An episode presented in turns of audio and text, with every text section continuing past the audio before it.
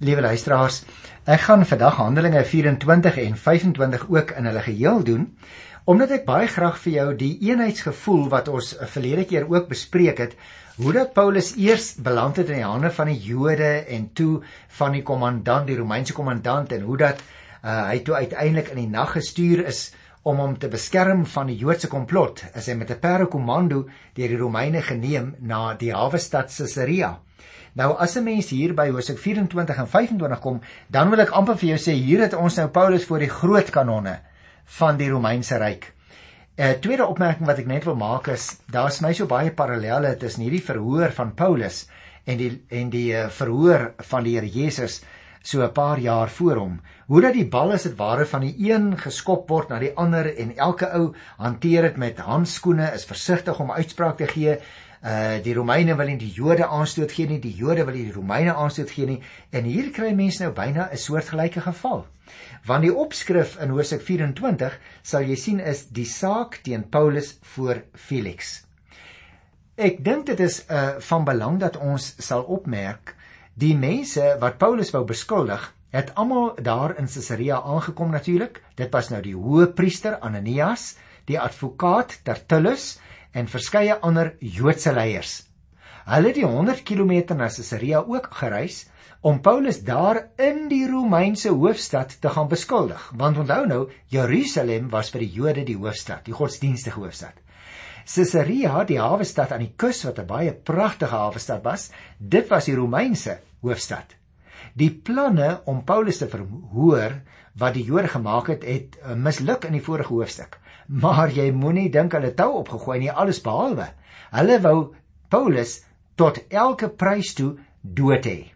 En daarom kom ek lees die eerste paar verse hierso in Handelinge by die 24ste hoofstuk. 5 dae later het die hoë priester Ananias saam met 'n paar van die familiehoofde en 'n advokaat Tertullus daar aangekom in Caesarea. Hulle het voor die goewerneur verskyn en om hulle aanklag teen Paulus te dien. Paulus is ingeroep en Tertullus het met die aanklag voor Felix begin. U edele, onder u lewer ons in rus en vrede. En deur u beleid het daar verbeterings vir hierdie volk ingetree. Dit erken ons altyd en oral saam met diep dankbaarheid. Ek wil u nie onnodig vermoei nie. Ek versoek u om met die kenmerkende welwillendheid na 'n kort uiteensetting van ons saak te luister. Jy merk op, liewe luisteraar, ek wil amper sê hoe slinks uh hierdie uh Tertullus, die Joodse advokaat, nou begin. Gee voor, hulle is vreeslik lief vir die Romeine en hulle het nou 'n saak en hulle uh, lewe so gelukkig en tevrede onder die Romeinse owerheid en nou wil hulle graag daarom 'n bietjie simpatie vra dat dat hulle saak nou ook gestel kan word. Met ander woorde, hulle kom op 'n baie, ek wil amper sê, geslepe manier om hulle saak op die tafel te sit. Nou natuurlik moet ons onthou Tertullus was 'n baie baie goeie redenaar hierdie advokaat en hy spesiaal deur die geestelike leiers aangestel om hulle saak by die Romeinse goewerneur te gaan stel. Hy het Paulus van 3 dinge beskuldig. Eerstens, hy was 'n verraaier. Hy is besig om al die Jode in die lande op te sweep. Die tweede aspek, Paulus sou dan nou die leier wees van 'n splintergroep met leerstelling wat strydig is met die Romeinse wette. En die derde ding wat Tertullus nou voordra namens die Jode Paulus sou die tempel ontheilig het. Die Joodse leiers moet ons nou onthou, het natuurlik gehoop om Felix hierdeur te ooreed om Paulus tereg te stel in belang van die orde en die vrede in Palestina. So ek wil amper sê soos ons in ons dag sou praat op papier, eh, het hulle nou baie goeie saak. Maar in werklikheid is Paulus nie skuldig natuurlik aan hierdie dinge wat hulle nou hier voor die goewerneur op die tafel kom sit nie. Daarom wil ek nou so 'n bietjie verder lees hier van vers 10 af. Op 'n teken van die goewerneur het Paulus begin praat. Ek weet dat u al jare lank hierdie mense se regter is, so begin Paulus. Daarom verdedig ek my saak voor u met vertroue, meneer die goewerneur. U kan self vasstel dat ek maar so so wat 12 jaar gelede in Jerusalem aangekom het om daar te aanbid. Niemand het my in die tempel of in die sinagoges of elders in die stad gekry en met iemand wat ek gestry het of die skare tot oproer probeer aanhits het nie. Die beskuldigings wat hulle nou teen my inbring, kan hulle dan ook nie voor u bewys nie. Met ander woorde Paulus sê, meneer die goewerneur, ek is nog nie so lank in hierdie land nie, is maar 12 jaar gelede dat ek uit Tarsus hier aangekom het. En uh ek het niks gedoen van hierdie goed wat hulle nou sê nie. Hy sê in vers 14: Dit erken ek wel voor u. Ek dien die God van my voorvaders volgens die leer van Christus wat hulle 'n dwaalrigting noem. Ek glo nog steeds dat alles wat in die wet en die profete geskrywe staan waar is. Ek het my hoop op God gestel. En net soos hulle, dis wat sê hierdie Jode, broers van my. Hy sê en net soos hulle verwag ek dat alle mense, goeie en slegtes, uit die dood sal opstaan. Daarom doen ek ook nou my uiterste bes om altyd 'n skoon gewete voor God en die mense te hê. Na baie jare het ek nou teruggekom om my mense met 'n geldelike bydrae te help en om aan God te offer. Jy sien dis liewe luisteraar wat Paulus besig is om hier te doen. Hy vertel ook vir die Romein baie kortliks wie die Here Jesus voor hom is en dat daar nog nooit werklik 'n saak teen hom wat Paulus is ingebring is wat op pote gestaan het nie. En nou lees ons hierso in vers 20 of laat hierdie mense dan nou sê aan watter misdaad ek in my verhoor voor die Joodse raad skuldig bevind is, né? Want jy sal onthou in die vorige program het ek dit uitgewys, liewe luisteraar, dat Paulus is nie skuldig bevind daardeur die Sanhedrin. Die Sanhedrin het in soveel chaos verval dat hulle uiteindelik vir Paulus moes laat red deur die Romeinse kommandant. En dit is hoekom hy nou hier in Caesarea voor die goewerneur staan. Hy sê al wat ek daar in Jerusalem vir hulle gesê het was: Ek staan vandag hier voor julle tereg omdat ek aan die opstanding van die dooies glo. En nou liewe luisteraars moet jy oplet, hier kry ons nou 'n wending in die verhaal by vers 22 van Handelinge 24. Hier het Felix wat die besonderhede in verband met die leer van Christus taamlik goed geken het. Dis interessant hè, die verhoor onderbreek.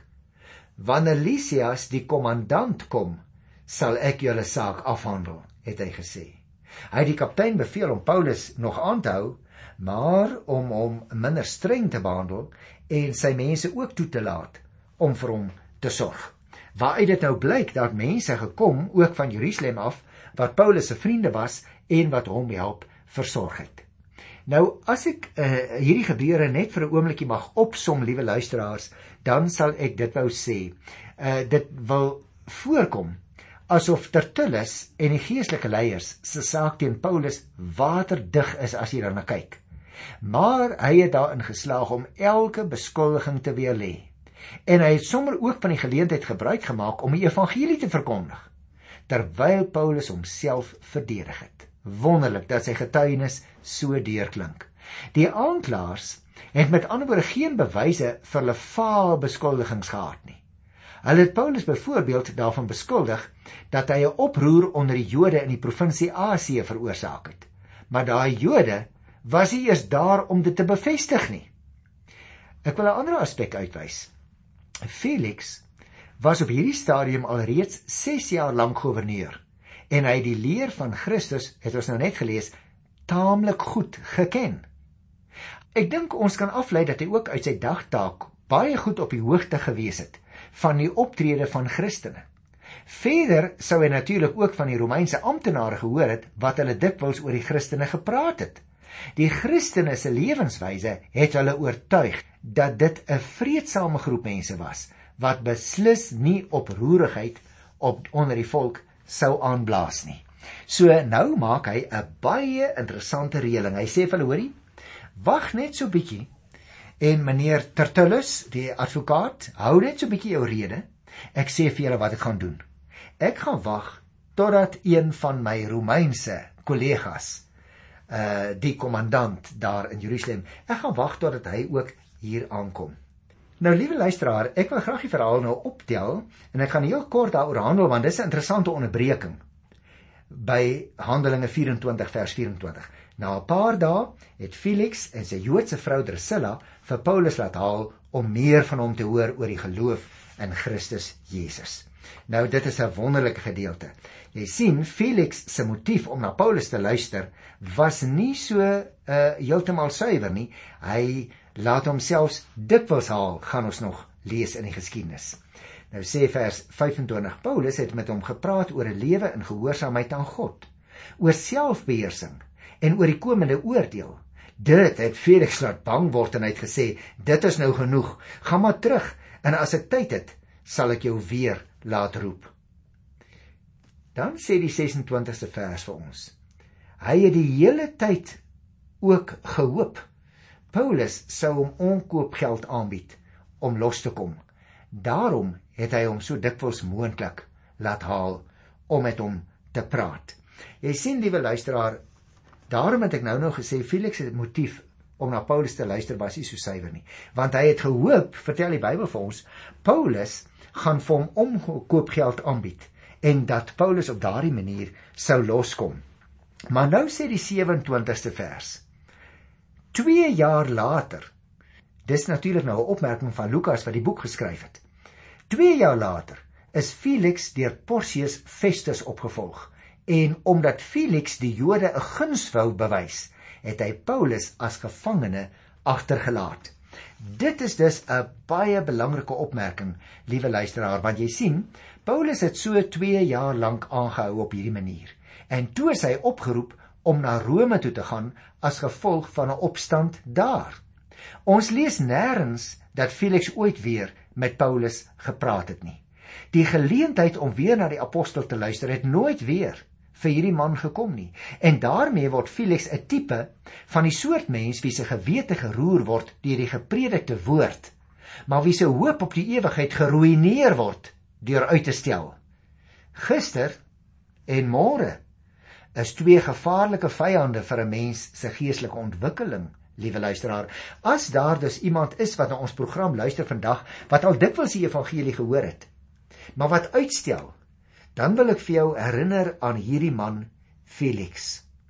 Hy het gereeld na Paulus geluister, maar hy het nooit op 'n punt gekom dat hy die evangelie wat Paulus as boodskap gedra het, aangeneem het nie.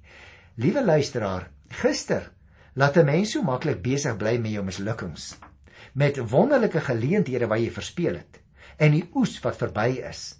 Maar die Here sê dat daar steeds genade is en ware vergifnis deur opregte bekering.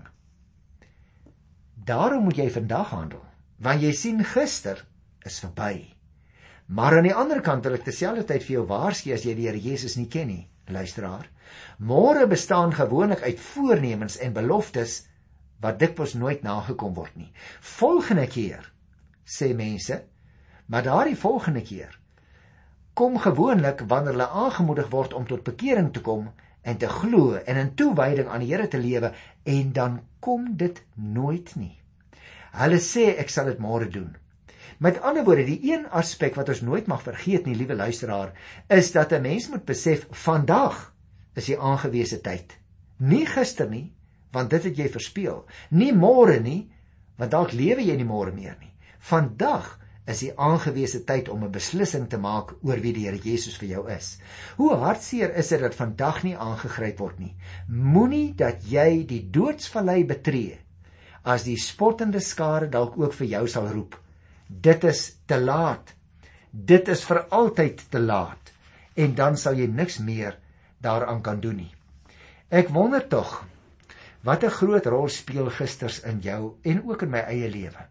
Dalk is daar seerkryplekke, teleurstellings, verwyte toe jy geval en misluk het. Ek verstaan dit, liewe luisteraar. Jy sien jou gisters kan jou pootjie sodat jy nooit vandag regtig vir die Here lewe en getuig nie. Aan die ander kant, dit is moontlik dat jy soveel dagdrome het oor môre. Hoe jy nog eendag vir die Here gaan lewe. Hoe jy blymoedig en aangenaam gaan wees eendag. Hoe jy eendag sal getuig eendag voluit om die baan vir die Here se hardloop dat jy nie vandag vir hom getuie is nie.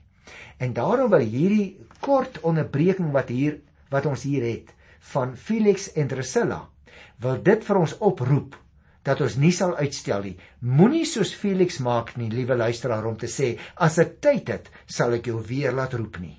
Luister vandag, getuig vandag, lewe vandag vir die Here. En daarom as ons nou by die 25ste hoofstuk in Handelinge kom, kry ons ook 'n interessante opskrif. Paulus beroep hom op die keiser. Met ander woorde, hier neem die verhaal nog 'n wending. Nou gaan hy nie langer staan voor Felix nie. Nou beroep hy hom op die hoogste gesag in die Romeinse ryk want hy is mos 'n Romeinse burger. Ek lees by vers 1. 3 dae na sy aankoms in die provinsie het Festus van Caesarea af Jerusalem toe gegaan. Die priesterhoofde en die leiers van die Jode het voor hom verskyn en 'n aanklag teen Paulus ingebring. Hulle het hom ernstig versoek om hulle 'n guns te bewys en Paulus na Jerusalem toe te laat haal. Hulle dit gevra omdat hulle hom op pad daarheen in 'n hinderlaag wou doodmaak. Kan jy dit glo? Hulle gebruik dieselfde taktiek. Hulle wou Paulus in 'n hinderlaag laat doodmaak van sy tog tussen Jerusalem en Caesarea. En nou kom hulle en hulle sê: "Ag, uh, meneer, uh, wil u nie asseblief uh, vir Paulus laat teruggaan nie? Ons wil hom daar verhoor in ons eie hof daar in Jerusalem." maar hulle is besig om weer eens 'n hinderlaag vir hom te reël want hulle wil vir Paulus dood hê. Dit is die punt van die verhaal. En ons moet dit nie miskyk nie, maar nou baie interessant.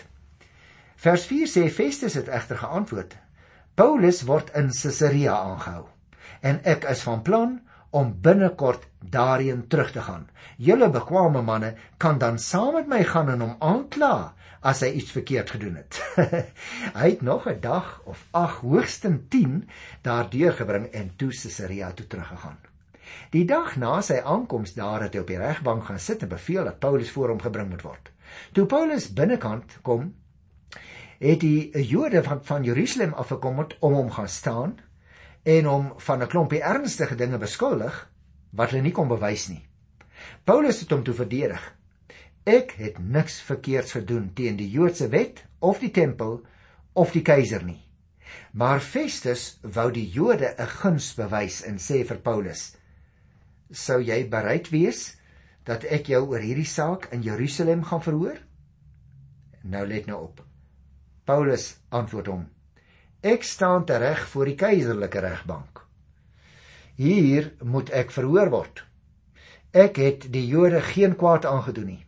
Dit weet u self baie goed. As ek skuldig is en iets gedoen het wat die doodstraf verdien, is ek bereid om te sterwe. Maar as daar niks in hulle beskuldigings teen my steek nie, kan niemand my aan hulle guns uitlewer nie. Ek beroep my op die keiser. Nadat Festus die saak met sy raadgewers bespreek het, het hy geantwoord: "Jy het jou op die keiser beroep. Na die keiser toe sal jy gaan. Nou hier is nou groot saak op die tafel, liewe luisteraar van Paulus. Uh betree nou die finale ronde met hierdie versoek wat hy gerig het dat hy voor die keiser sal verskyn in hierdie verse. En daarom wil ek oorsigtelik sê want ek dink dit is vir ons baie belangrik dat ons dit nou baie mooi sal verstaan, liewe luisteraar. Ons moet naamlik insien, elke Romeinse burger kon op die keiser beroep. Dit het nie noodwendig beteken dat die keiser hom persoonlik sou verhoor nie, maar dit het wel ingehou dat hy in die hoogste hof van die Romeinse ryk wat plaaslik beskikbaar is, verhoor kon word. Die feit dat Paulus hom dus hier op die keiser beroep het, het dit vir Festus moontlik gemaak om hom weg te stuur en die vrede onder die Jode te bewaar. Paulus wou natuurlik na Rome gaan om die evangelie daar te kan verkondig. Ons lees dit tussen hakies Romeine 1 vers 10.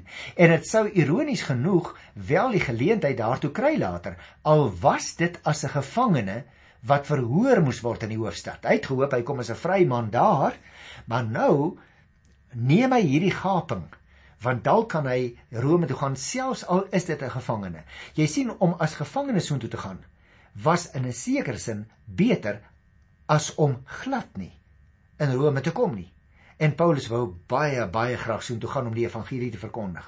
Ons moet ook onthou Paulus het natuurlik besef dat hy onskuldig is op al die aanklagte en dat hy hom op die keiser kon beroep, want die Romeinse regstelsel was baie goed. Hy het geweet wat sy regte as onskuldige Romeinse burger was. En hy het al die verantwoordelikhede van sy Romeinse burgers nagekom en nou kry hy uiteindelik die geleentheid om Romeinse beskerming te vra.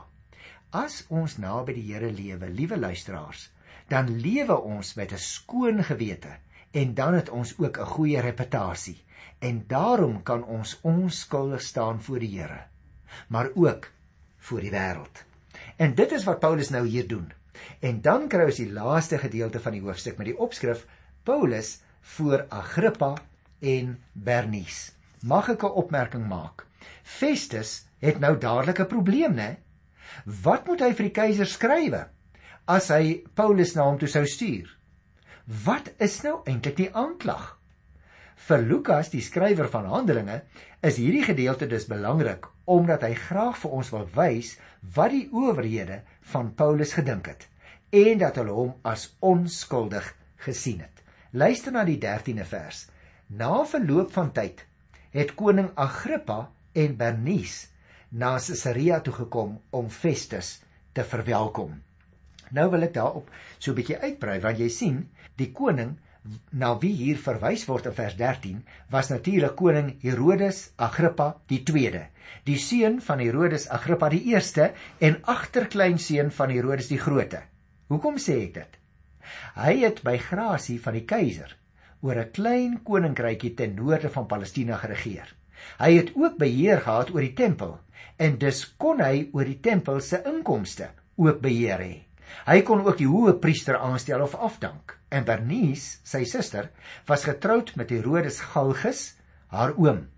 Sy was egter haar broer se minnares en het later ook die minnares geword van Titus, die veroweraar van Jerusalem, maar hy wou nie met haar trou toe hy keiser geword het nie. Agrippa en Bernice het in hierdie tyd 'n amptbesoek aan goewerneur Festus gebring. En omdat Agrippa van Joodse afkoms was, het die goewerneur gemeen dat hy hom kon help om die wat sal ek dit noem, die Joodse situasie. dit wil sê Paulus se beroep op die keiser op te los. En daarom het ons hier nou 'n baie interessante wenteling nog 'n keer in die verhaal. Hulle het 'n paar dae daar deurgebring in Caesarea en Festus het Paulus se saak by die koning ter sprake gebring. Hier is iemand, so vertel die een Romein nou vir die ander een, hier is iemand wat deur Felix as gevangene agtergelaat is. By my aankoms in Jerusalem het die priesterhoofde en die familiehoofde van die Jode 'n klag teen hom ingebring en hy het my gevra om hom skuldig te bevind. Jy sien, daar kry ons dadelik wat die Jode wil. Hy het vir my, dis nou 'n Romein, gevra om hom skuldig bevind. Met ander woorde, Festus sê nou meer as wat ons van tevore gelees het, naamlik dat die Jode wou hê dat hy Paulus sommer net daar en dan skuldig moes vind en moes straf. Luister na vers 16. Ek het hulle geantwoord dat dit nie die Romeinse gebruik is om 'n beskuldigde as guns uit te lewer nie. Hy moet eers geleentheid kry om hom voor sy aanklaers teen die beskuldiging te verdedig. Hy sê ek het eintlik maar die Jode so bietjie op die neus geslaan en daarom uh het ek hom nie sommer net skuldig bevind nie. En nou kry ons in vers 24 wat Festus dink. Toe sê Festus: Koning Agrippa en almal hier teenwoordig kyk, dit is die man teen wie al die Jode in Jerusalem en ook hier 'n aanklag by my ingebring het. Hulle het geskreeu dat hy nie langer behoort te lewe nie. Ek kon egter nie vasstel dat hy iets gedoen het wat die doodstraf verdien nie. Aangesien hy hom op die keiser beroep het, het ek besluit om hom daarheen te stuur. Maar ek weet eintlik nie wat ek vir die keiser moet skrywe nie. Daarom het ek hom voor u gebring, veral voor u koning Agrippa, sodat ek na die ondersoek iets kan hê om te skrywe. Dit is sinloos lyk dit vir my om 'n gevangene te stuur sonder om die aanklag teen hom duidelik te gee. En so eindig die 25ste hoofstuk dan, liewe luisteraars, in 'n sekere sin met 'n oop einde. Hier sit die Romeine nou met hierdie probleem. Die Jode wil Paulus dood hê. Paulus beroep hom op die keiser. En nou moet hulle eintlik 'n klag formuleer waaroor hulle Paulus Rome toe kon stuur. En op hierdie punt wil ek eindig dan gesels ons volgende keer so die Here verder oor hierdie interessante interessante wenteling in die geskiedenis van Paulus se lewe. Tot volgende keer. Totsiens.